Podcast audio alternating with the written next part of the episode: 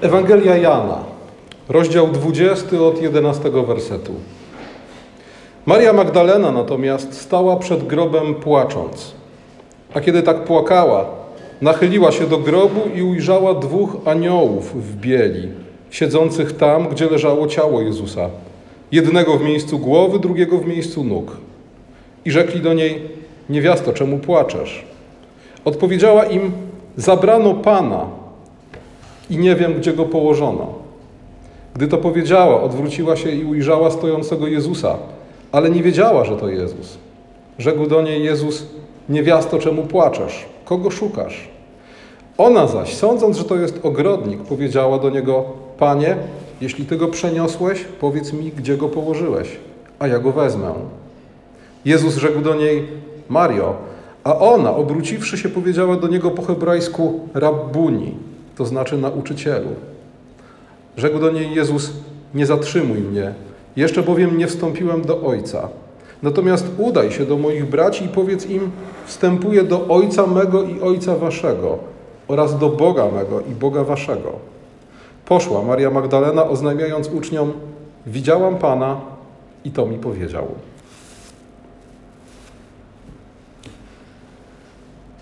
Ksiądz Stanisław Tokarski. Niektórzy z Was go pamiętają. Poznałem go będąc uczniem liceum. Zasłynął z tego, że wygłosił swego czasu bardzo krótkie kazanie wielkanocne. Kto wie, czy nie było to najkrótsze kazanie wielkanocne w dziejach Kościoła. Brzmiało ono tak. Pozwólcie, że zacytuję dosłownie i w całości. Chrystus prawdziwie zmartwychwstał, ale wy i tak w to nie wierzycie. Amen. Na tym ksiądz Stanisław kazanie zakończył, zszedł z ambony i jakby nigdy nic odprawiał wielkanocne nabożeństwo.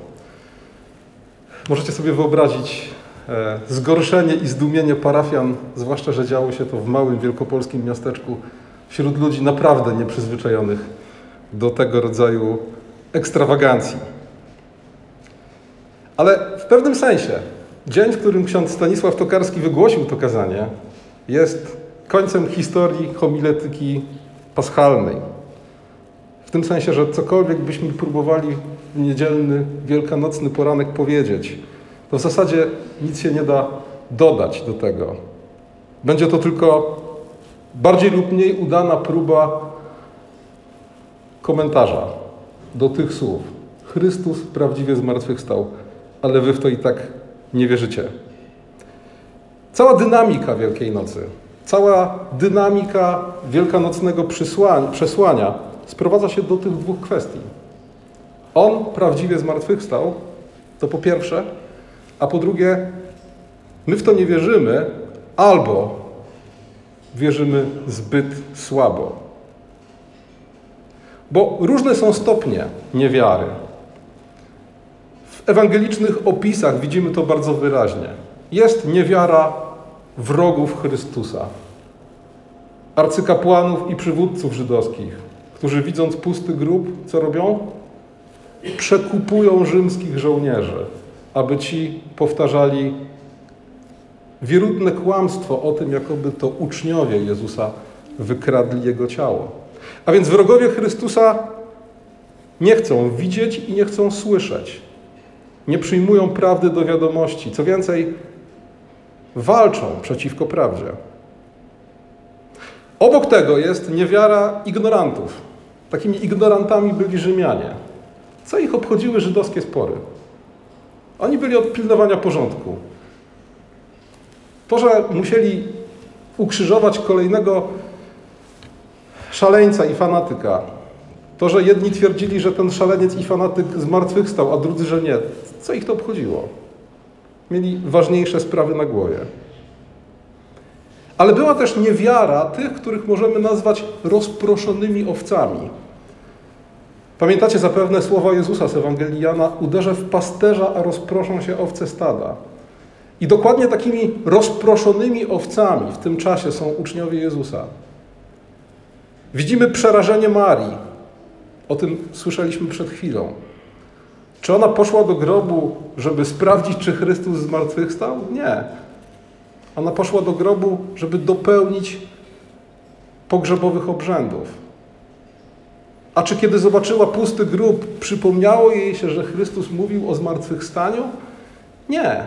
Była przekonana, że ktoś przeniósł ciało w jakieś dziwne miejsce. Nawet widok aniołów nie przekonał jej od razu.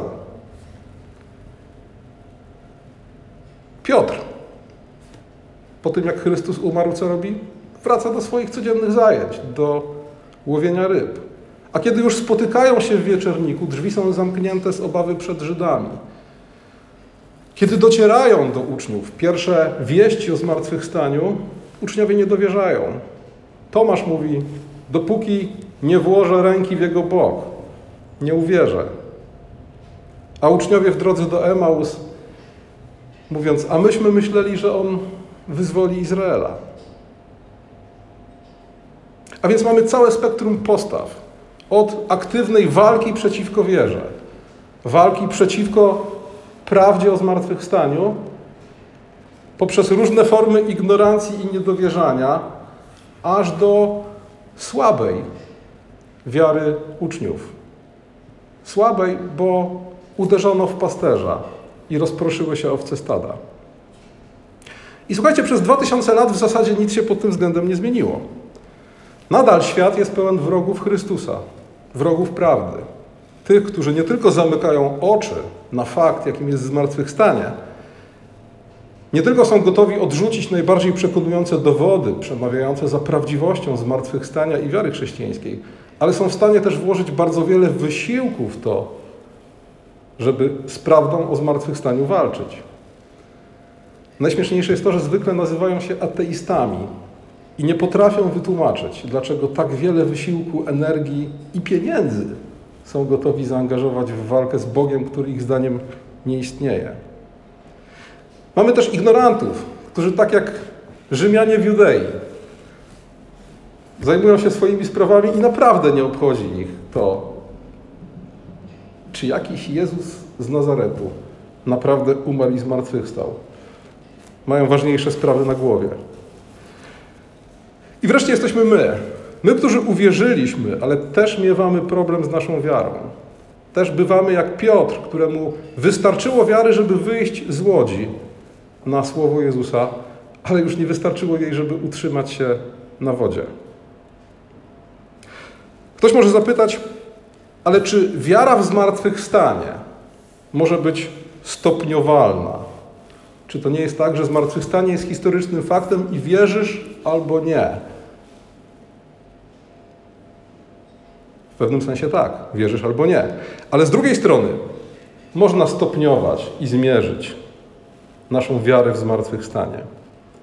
Zbyt mała wiara to po prostu wiara, która wywiera zbyt mały wpływ na nasze codzienne życie w stosunku do doniosłości tego faktu, jakim jest zmartwychwstanie.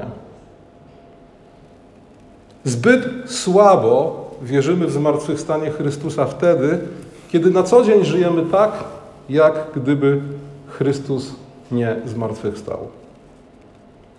Bo jeśli Chrystus prawdziwie zmartwychwstał, nikt z nas nie może być obojętny wobec tej prawdy i co więcej, każdy aspekt naszego życia musi zostać podporządkowany temu, że Chrystus zmartwychwstał. Zmartwychwstanie Chrystusa musi być, jeśli naprawdę w nie wierzymy, punktem odniesienia dla całego życia. Jaki ma sens to, co robię tu i teraz, to, kim jestem, jeśli Chrystus zmartwychwstał?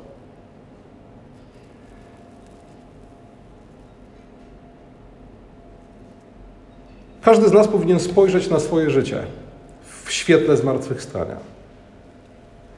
Uczysz się, pracujesz, odpoczywasz, angażujesz się w mniej lub ważne sprawy. Jak ma się do tego zmartwychwstanie Chrystusa?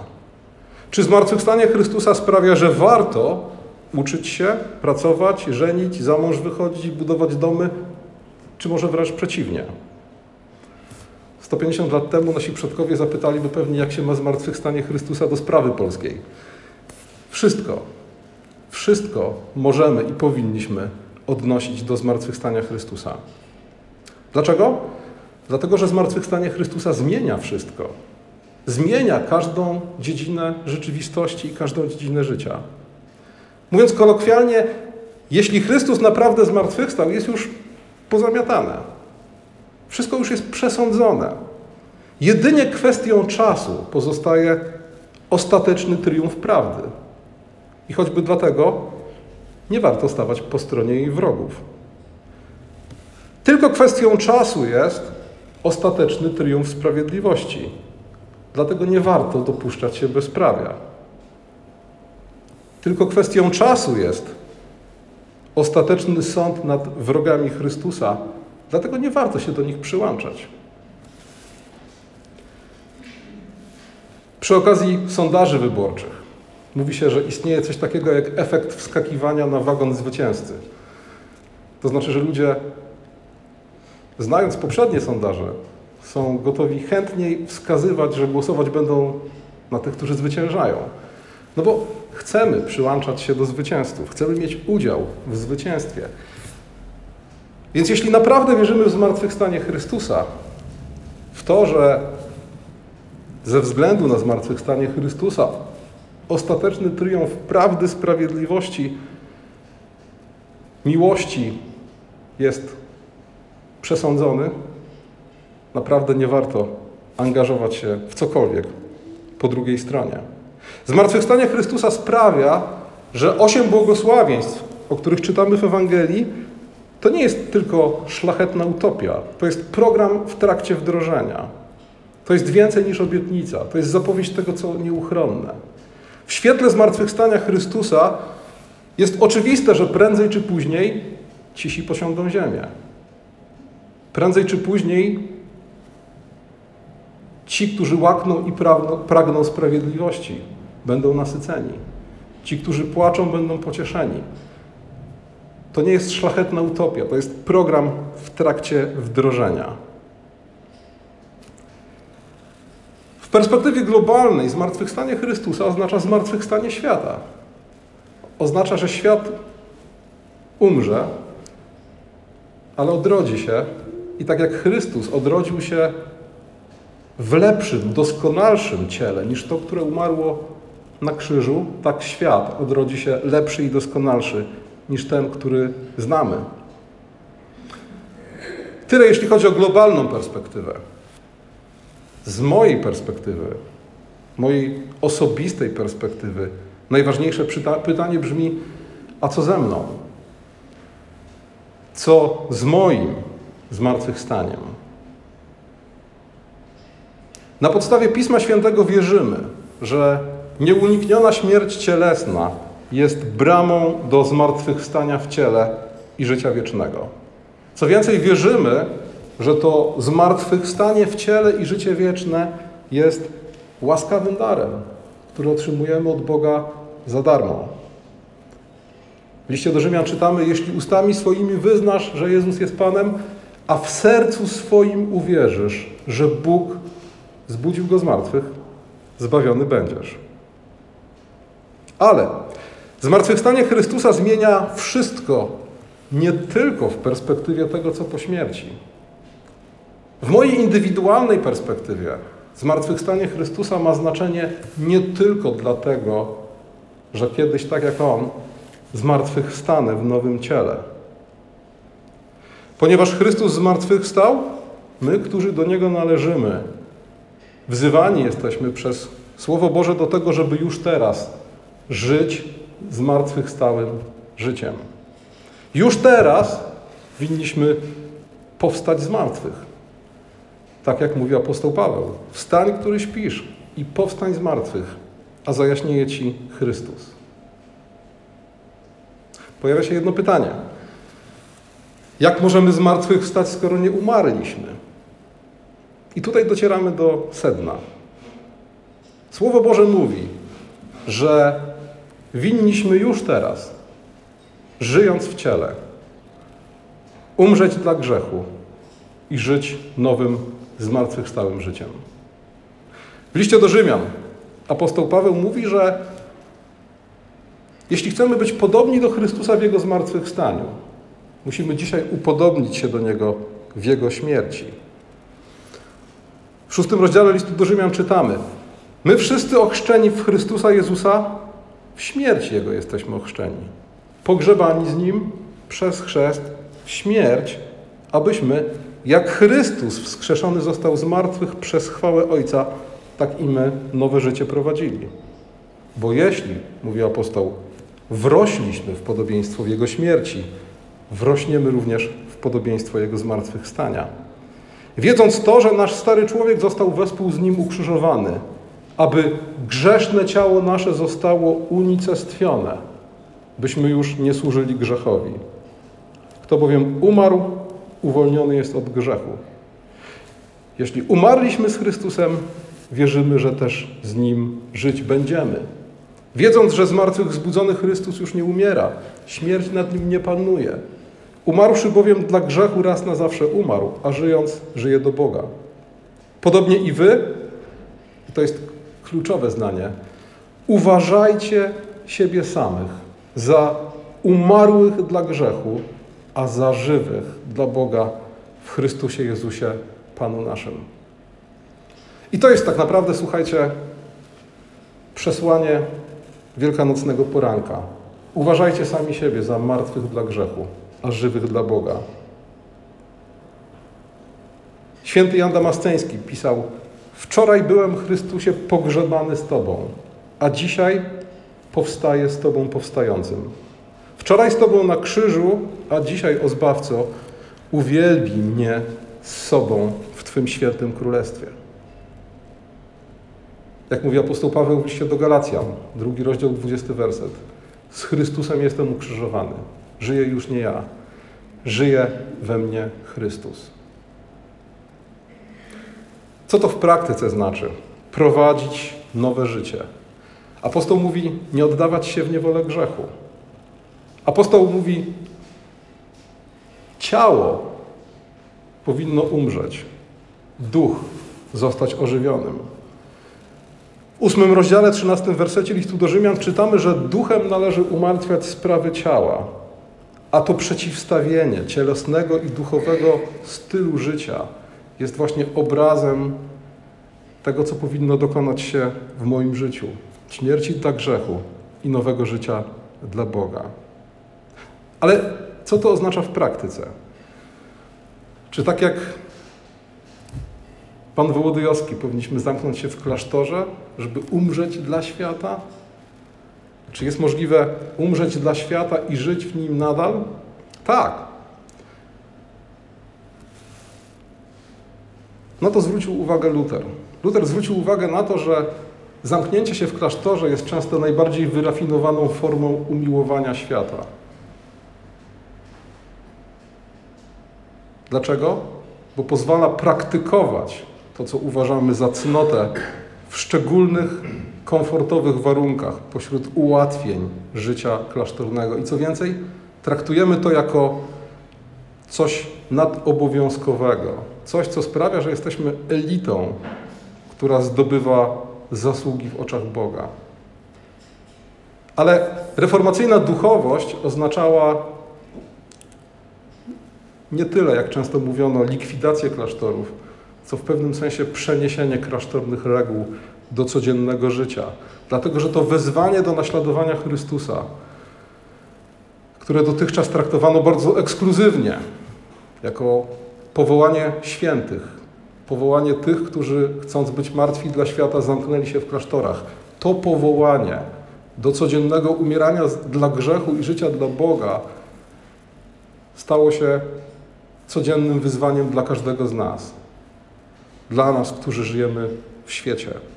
To oznacza, że duchowe, w przeciwieństwie do cielesnego życia, duchowość rozumiemy w bardzo codzienny i praktyczny sposób. Pastor Tomek Pieczko napisał kiedyś krótki artykuł o reformowanej duchowości. Czym jest reformowana duchowość? I mówi, że tak naprawdę reformowana duchowość ma sześć cech, sześć charakterystyk. Mówi, po pierwsze, to jest duchowość Słowa Bożego, po drugie, to jest duchowość psałterza, po trzecie, duchowość Dnia Pańskiego, Po czwarte, duchowość wieczerzy pańskiej. Po piąte, duchowość zarządzania życiem. I po szóste, duchowość opatrzności.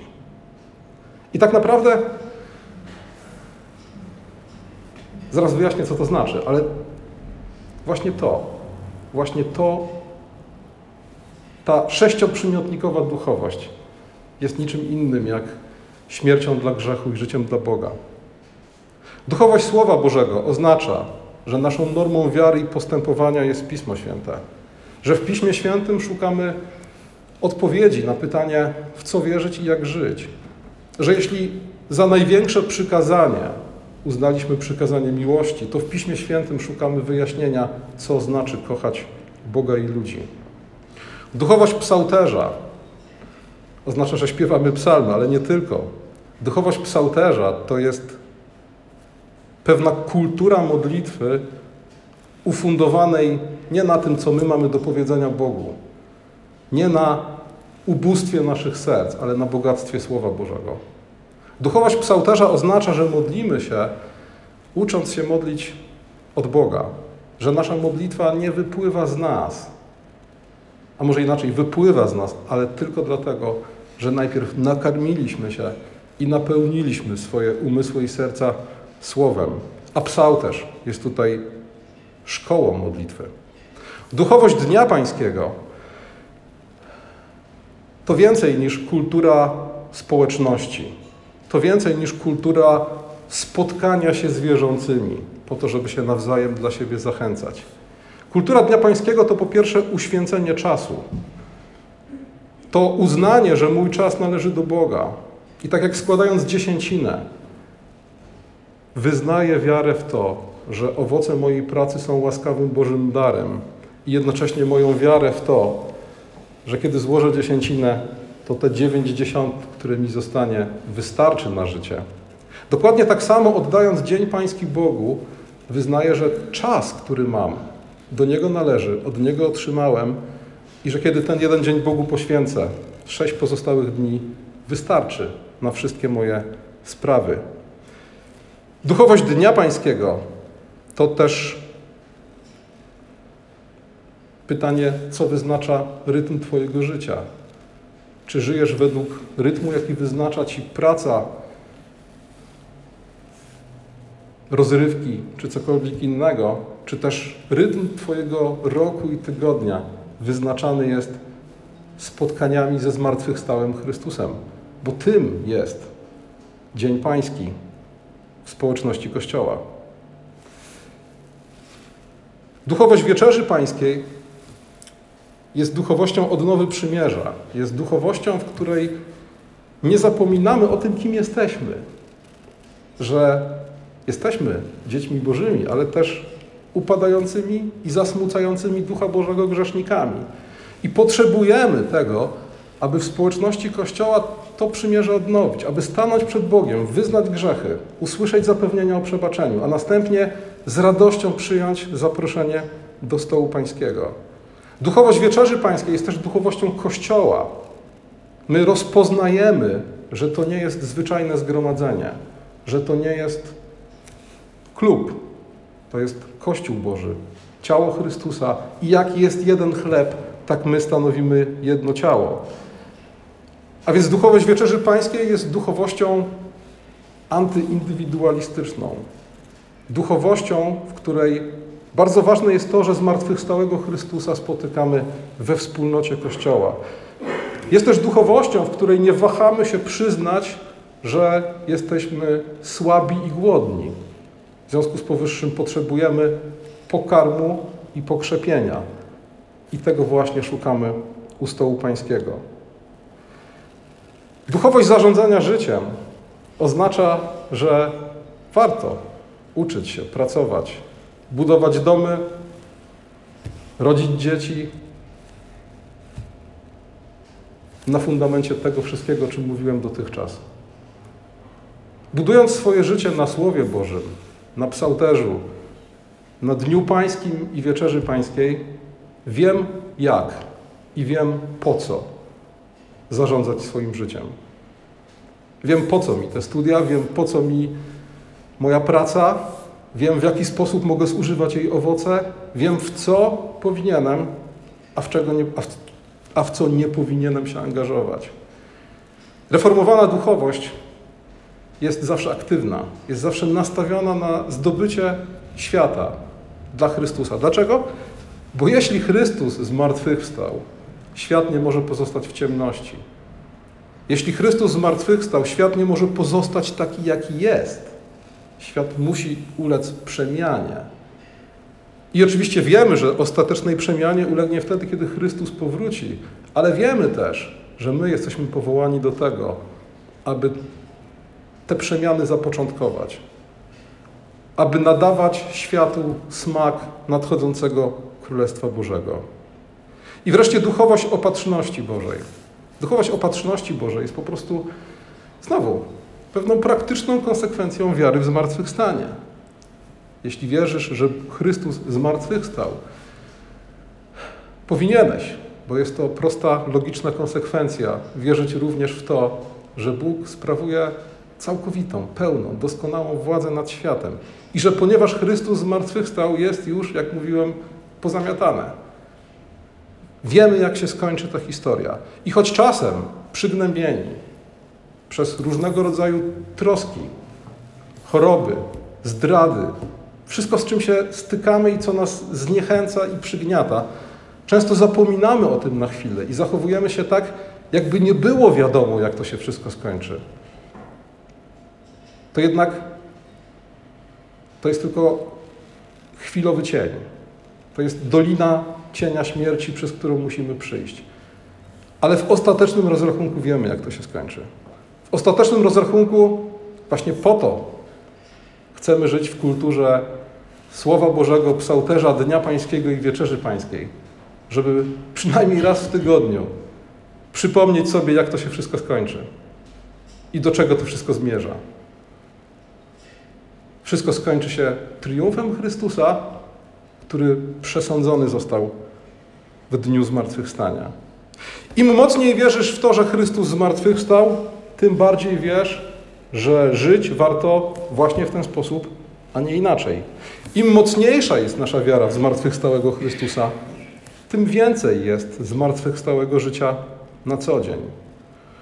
Pomyśl o tym. Pomyśl o tym, kiedy wydaje ci się, że jesteś zbyt zmęczony, żeby się modlić, że jesteś zbyt zmęczony albo zajęty, żeby pójść do kościoła. Kiedy wizja jakiejś krótkotrwałej korzyści odwodzi cię od tego, co dobre i sprawiedliwe.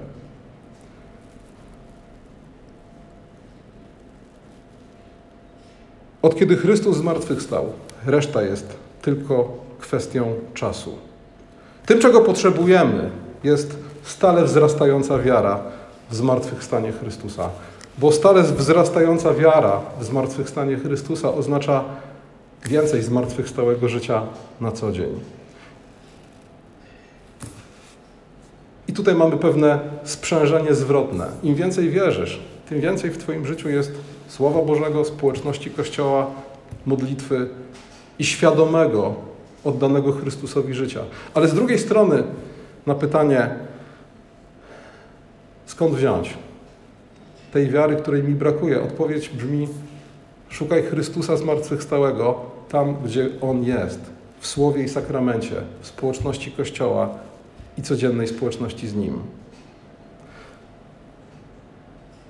Jeśli Chrystus zmartwychwstał, nie pozwól, aby Twoja wiara w zmartwychwstanie była słaba i pozbawiona realnego wpływu na Twoje codzienne życie.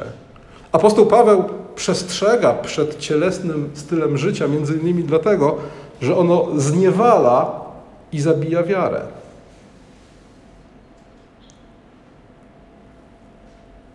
Dlatego dobra nowina o zmartwychwstałym Chrystusie, oprócz tego, że jest dobrą nowiną, jest wezwaniem do tego, abyśmy żyli zmartwychwstałym życiem. Amen.